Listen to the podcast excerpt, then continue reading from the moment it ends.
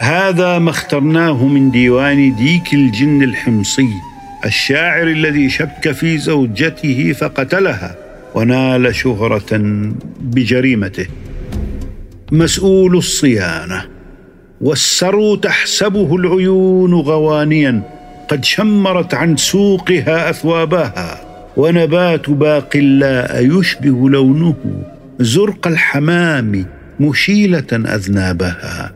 لو كنت أملك للرياض صيانة يوما لما وطئ اللئام ترابها.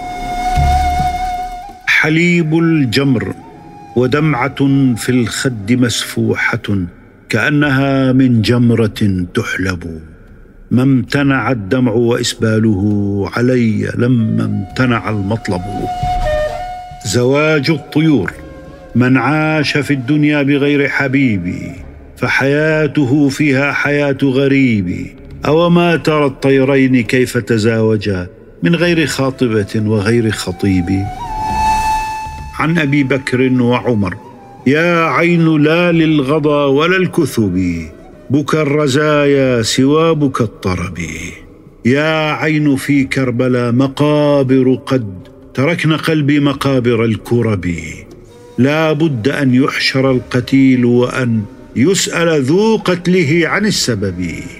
ما كان تيم لهاشم بأخ ولا عدي لأحمد بأبي.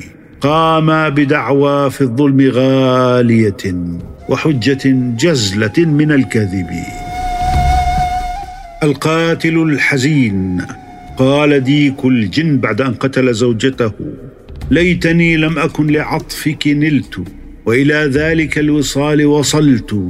قال ذو الجهل قد حلمت ولا أعلم أني حلمت حتى جهلت. لائم لي بجهله ولماذا؟ أنا وحدي أحببت ثم قتلت. سوف آسى طول الحياة وأبكيك على ما فعلت لا ما فعلت.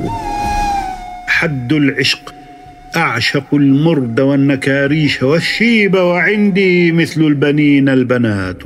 حد ما يشتهى ويعشق عندي حيوان تحل فيه الحياة.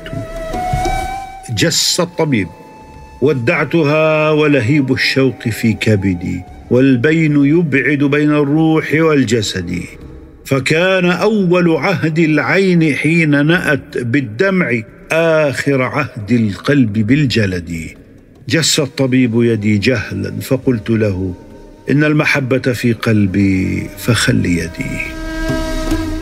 رثاء المحبوبة القتيلة أساكن حفرة وقرار لحدي مفارق خلة من بعد عهدي. أجبني إن قدرت على جوابي بحق الود كيف ظللت بعدي. وأين حللت بعد حلول قلبي وأحشائي وأضلاعي وكبدي؟ أما والله لو عاينت وجدي إذا استعبرت في الظلماء وحدي وجد تنفسي وعلى زفيري وفاضت عبرتي في صحن خدي.